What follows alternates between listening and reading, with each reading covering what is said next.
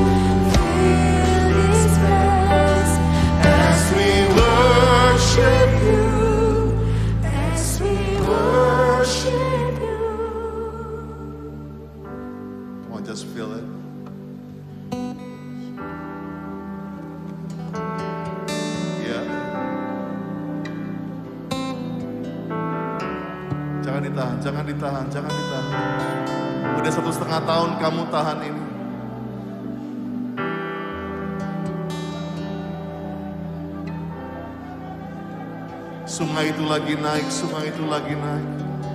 Jangan ditahan, jangan ditahan.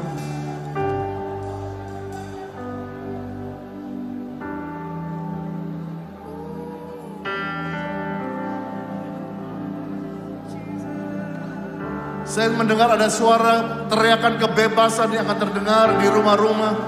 Suara kebebasan yang akan terdengar di GC Hall. Bahkan saya akan mendengar begitu banyak ikatan-ikatan belenggu-belenggu, depresi, stres. Bahkan ada yang sakit mental hari ini. Siap ya, siap.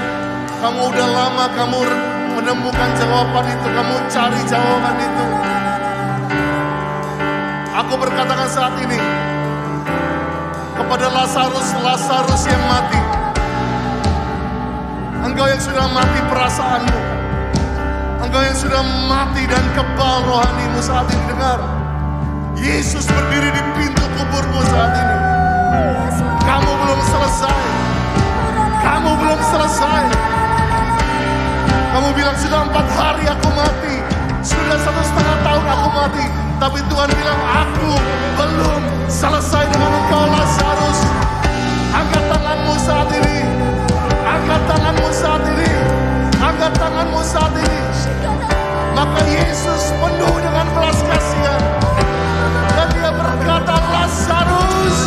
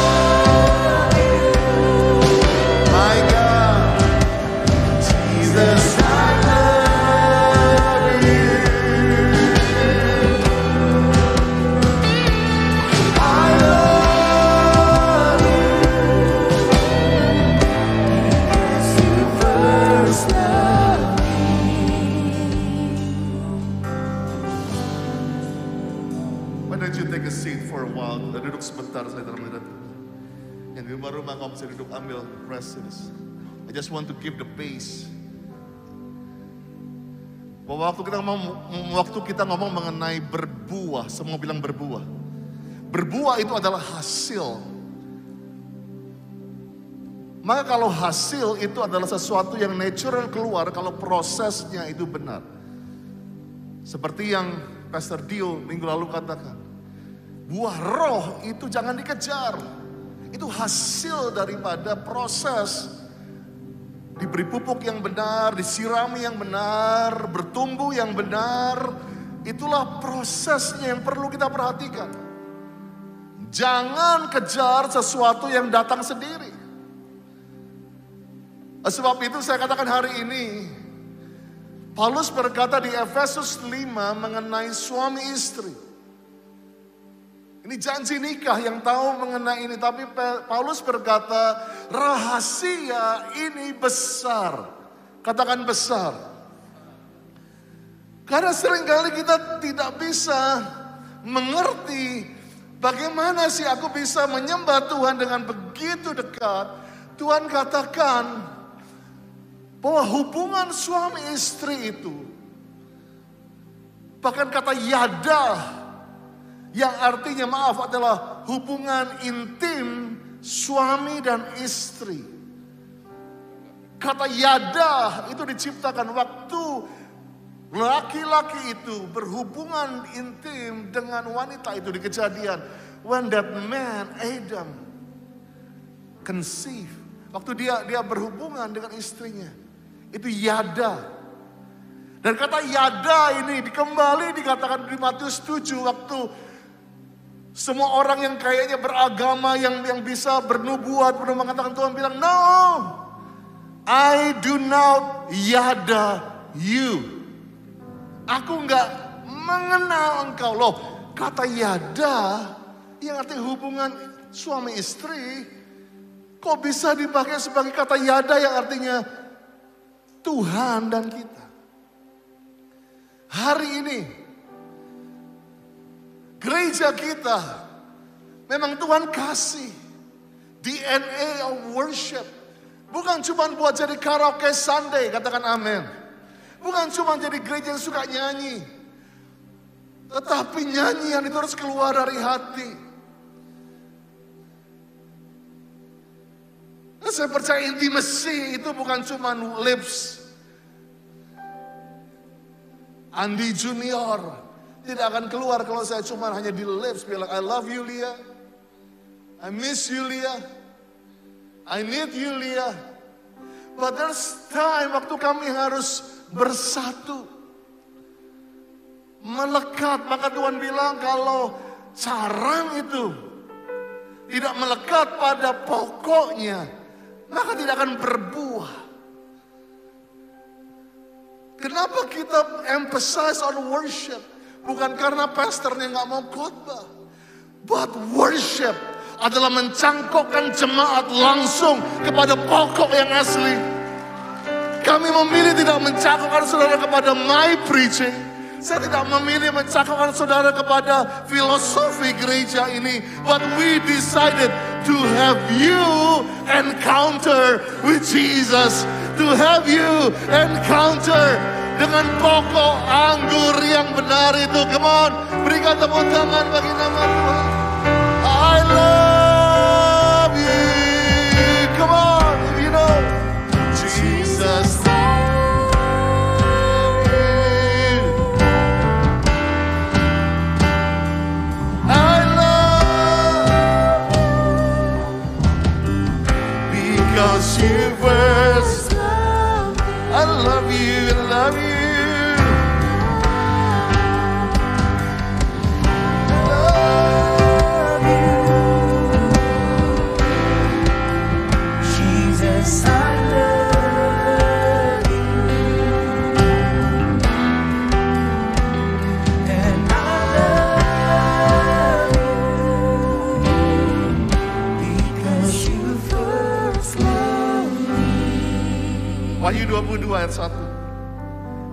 Menunjukkan kepadaku ada sungai air kehidupan yang jernih bagian kristal dan mengalir keluar dari tahta Allah dan tahta anak domba itu.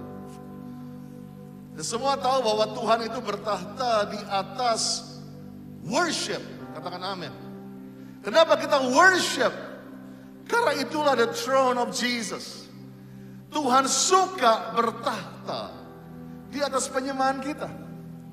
Semakin besar kerinduan kita, semakin besar tahtanya. Dan Wahyu berkata, akan ada air atau sungai kehidupan yang jernih bagian kristal yang mengalir keluar dari tahta Tuhan. Dan saya percaya hari ini, tadi saya melihat bendungan itu Tuhan akan buka hari ini. Kalau hidupmu keruh dengan stres, hidupmu keruh dengan tipuan iblis, hari ini jangan pernah tahan lagi. Sebentar lagi air yang sejernih kristal akan mengalir dalam kehidupan.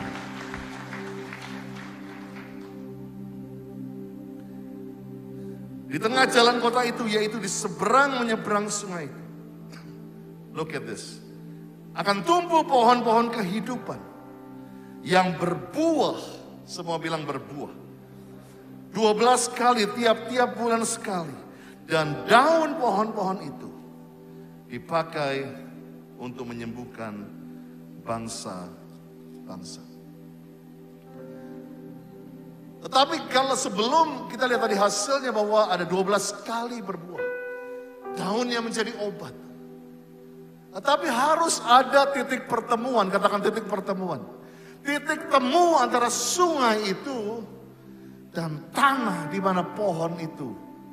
Alkitab selalu berkata, waktu sungai itu mengalir dan menjamah tanah, maka di situ akan kehidupan.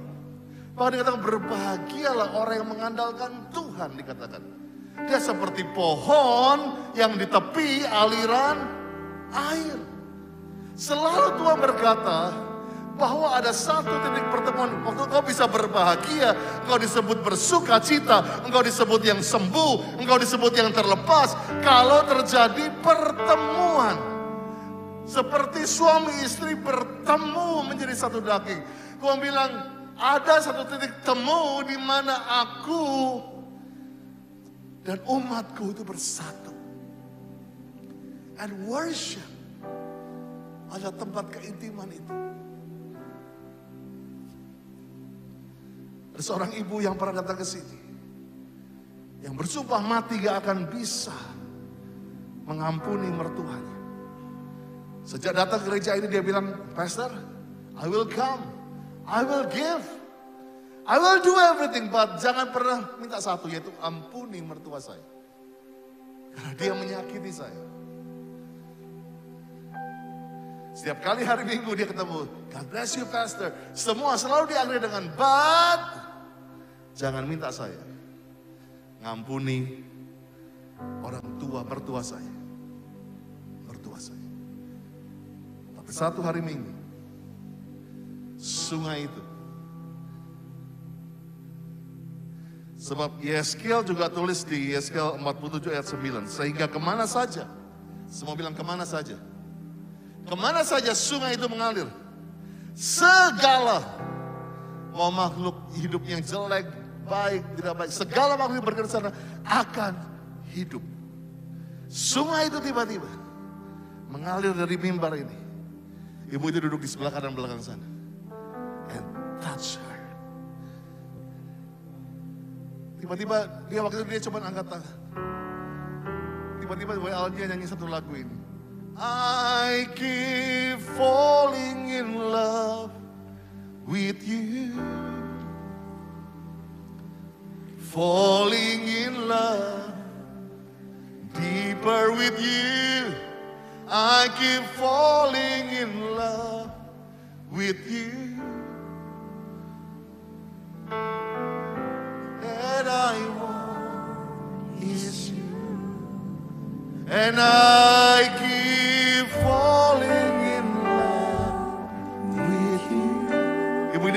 tangan, air mata itu mulai keluar dengan keras.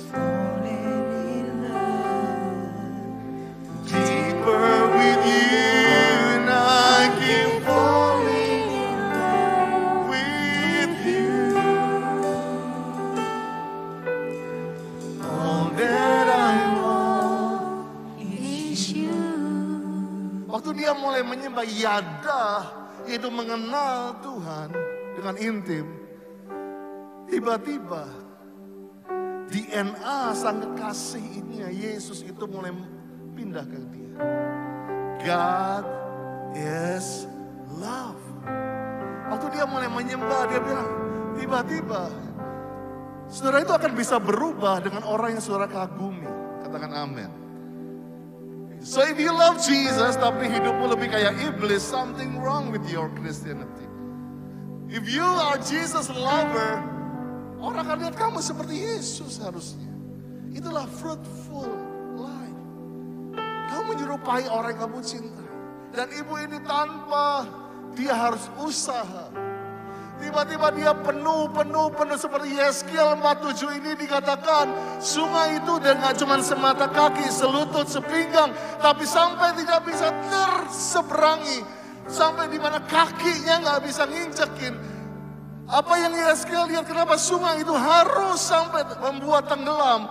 Karena kaki berkata mengenai kemauan ke mana kita pergi. Waktu kita tenggelam dengan kasih, dengan sungai yaitu Yesus sendiri. Tuhan yang bawa kita, bukan kuat, bukan gagah, tapi Yesus yang bawa kita. Keintiman itu is just like seorang pria memimpin seorang wanita untuk slow dance. Let me lead you. Gak bisa kita bilang, no Jesus, I lead you. No, a good dancer. Seorang wanita akan dibawa ke mana saja. I'll dance with you, my daughter. I'll carry you to the future. Dia akan bawa kita. I love you, my son. And I'll dance with you. I'll carry you to the future. Dan dia membawa kita. Dia memimpin kita. Dan ibu ini tiba-tiba lagi menyembah Tuhan. Dulu mikir na- nyebut nama mertuanya aja mau muntah dia bilang. Dan begitu dia penuh dengan sungai. Tiba-tiba to forgive becomes so easy. Mengampuni jadi begitu mudah. Karena bukan dirinya lagi yang bisa mengampuni. Tapi dia mulai berbuah, berbuah, berbuah, berbuah. Dan buahnya itu kasih. Come on, berikan tepuk tangan. Kasihnya seperti sungai. Kasihnya seperti sungai. Kasihnya seperti sungai di hatiku. Eh jangan diam lagi. Mengalir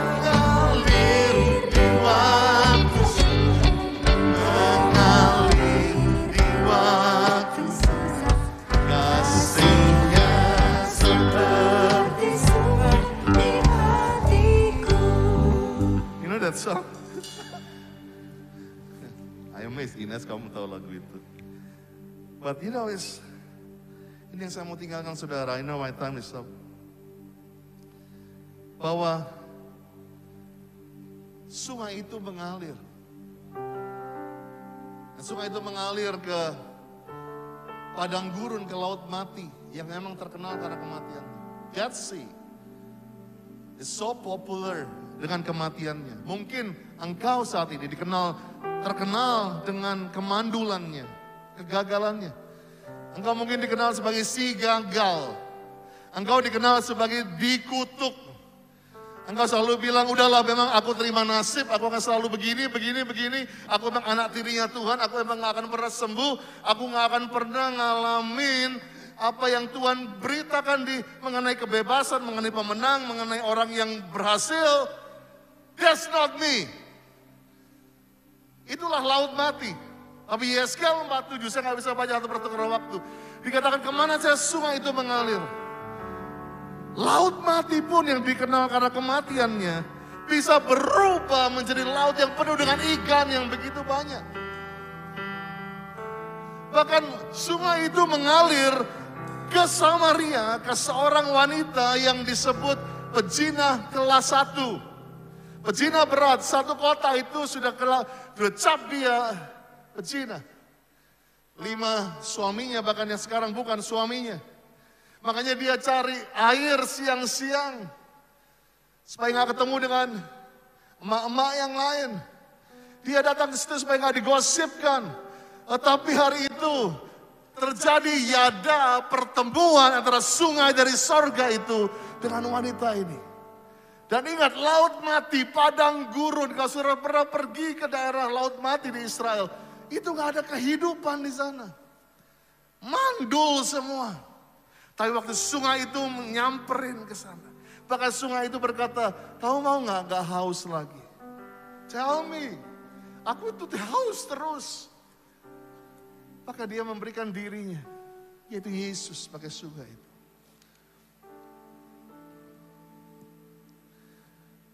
Dan bahkan Yohanes 4 ayat 23. Saya suka ini. Bahwa sedang Bapak sedang mencari penyembah-penyembah yang benar. Dan ayat ini ditentukan bukan buat jemaat GPI GC yang suka nyanyi. Tapi ada wanita Samaria ini. The Dead Sea. The padang gurun yang terkenal di situ. Tapi sungai itu sampai ke situ. Nah, sungai itu merubah dia. Sungai itu merubah Yabes yang sudah dicap oleh iblis sakit. Dicap oleh mamanya sakit. Yabes gak pernah mimpi. Gak pernah lagi punya keinginan untuk bisa menjadi orang yang diberkati. Tetapi satu waktu sungai itu saya percaya datang ke kamar Yabes. Menjamah Yabes dan buat dia berdoa. Karena buah daripada roh adalah kamu suka berdoa. Kamu suka intip dengan Tuhan. Nah di situlah dia mulai terkenal dengan doa Yabes. Berkati aku berlimpah-limpah, perluas daerahku. Tanganmu menyertai dan melindungi aku. Saudara bisa bayangkan waktu dia ngomong seperti itu. Seperti padang gurun yang sedang berseru minta air. Orang mulai ketawain dia. Semua keadaan iblis, orang tua, keluarga besar bilang udahlah. Cari dukun, cari apa, udahlah kamu tinggalin Yesus. Tetapi dia terus, terus, terus berdoa. Disebut doa Yabes karena dia doa tiap hari. Saya percaya one day sungai itu turun. Dan Tuhan berkata dan Tuhan mengabulkan doa Yabes. Yuk bangkit berdiri sama-sama. Hari ini yang di rumah-rumah. Kalau engkau lah padang gurun itu. Yang di tempat ini, kalau engkau laut mati itu. Bisa gak angkat tangan? Pastor ingin lihat saat ini. Engkau perlu dirubah. Iya saya berkata sampai roh itu dicurahkan dari atas. Maka padang gurun akan berubah jadi kebun buah-buahan. Kita perlu intimate Holy Spirit. Hari ini, ya kalau engkau perlu di transfer, ditransformasikan. Keluargamu perlu lihat. Ada buah yang matang di situ. Komunitasmu perlu lihat. Hidupku bukannya aku lagi. Kamu akan kamu datang sebagai padang gurun, kamu datang sebagai laut mati, tapi kamu pulang sebagai penyembah, sebagai Yabes yang doanya dikabulkan Tuhan. Come on if you believe it. Angkat tanganmu saat ini. Come on.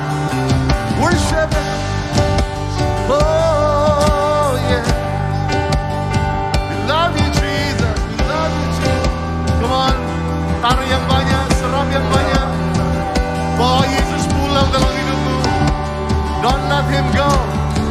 Don't let him go.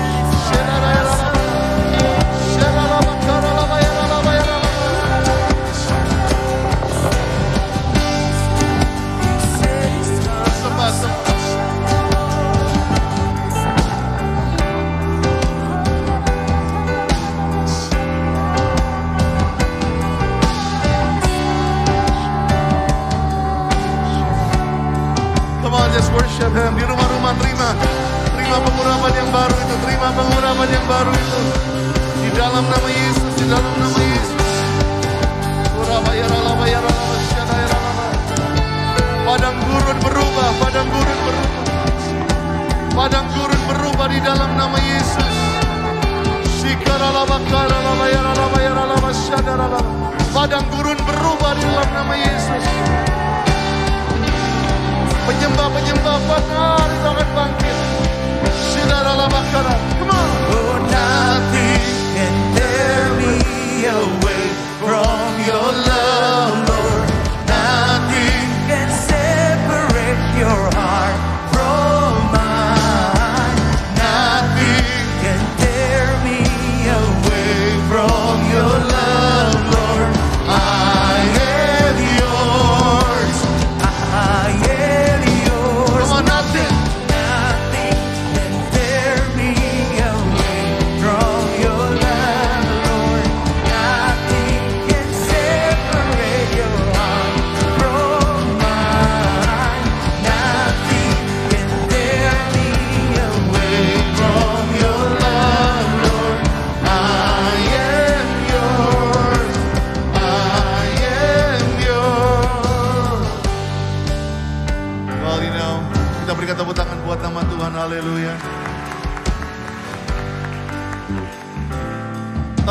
kalian cuma tunggu encounter Sunday baru kalian berbuah, maka buahnya cuma sedikit. That's why you need to bring worship menjadi begitu natural dalam kehidupan. Jadilah orang yang selalu soaking dengan hadirat Tuhan. Jangan izinkan engkau soaking terlalu banyak dengan semua stres di, di kantormu. Sebelum kau pergi, makanya banyak saat teduh. Kenapa engkau harus masuk di rumah doa sebelum pergi? Izinkan the presence yang buka jalan. Biarkan hadirat Tuhan. Sehingga engkau masuk ke kantor dengan keadaan berbuah. Terus. Buahnya nggak pernah layu, nggak pernah nggak pernah habis, selalu baru. Itulah yang kenapa sering kali di luar sana mereka lagi demanded, mereka lagi kehabisan buahnya. Orang-orang itu buahnya semua adalah me, myself, I, aku, aku, aku. Tapi tiba-tiba ada orang yang yang berbuah kasih, penguasaan diri, lemah lembut. Ada orang-orang yang tiba-tiba bisa, I forgive you, I love you bro, how are you? That's that's your friend. So saya percaya ini waktunya. GJ, pesan bulan ini. Kekristenan tidak bisa dipisahkan dari kita berbuah. Dan berbuah hasil dari keintiman dengan Tuhan. Come on, God bless you. God bless you. God bless you. Ria, let's pray.